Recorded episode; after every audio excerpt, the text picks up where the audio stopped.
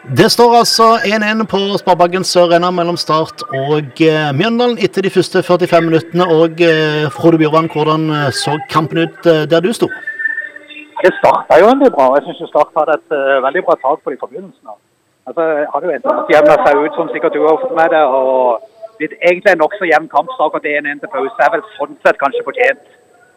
Eh, jeg har sett litt på sosiale medier at eh, dommeren ikke ikke helt for får gode skussmål. eh, eh, har du lyst til å si noe mening om det? er det ikke dommeren man ikke skal si noe? Er det ikke sånn så vidt at nei, Han har eh, fått sitt pipekonsert mot seg her i eh, visse situasjoner, men ah, det er vel kanskje sånn man må regne med i løpet av en kamp at kan bli. Du, hva, hva, hva tror du om andre omgang? Jeg håper jo selvfølgelig at Start kan få litt. Jeg syns i perioder det har gått litt seint framover. At de kan få kanskje litt mer eh, fart framover. For eh, ja, i perioder syns jeg de gikk rett og slett litt treigt framover. Så vi får håpe at de får en ordentlig sånn pep-talk i pausen. da. Du, Er det mye folk på stadion?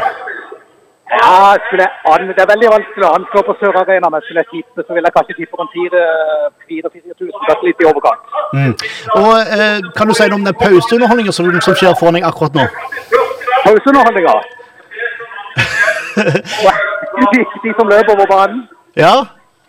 ja, ja, det var, årets pauseunderholdning. Det jeg egentlig tenkte jeg skulle si i forhold til sånn som jeg kanskje litt skuff i løpet av dagen, det er jo Mjøndalen i grønne drakter, og det var ordentlig skuff.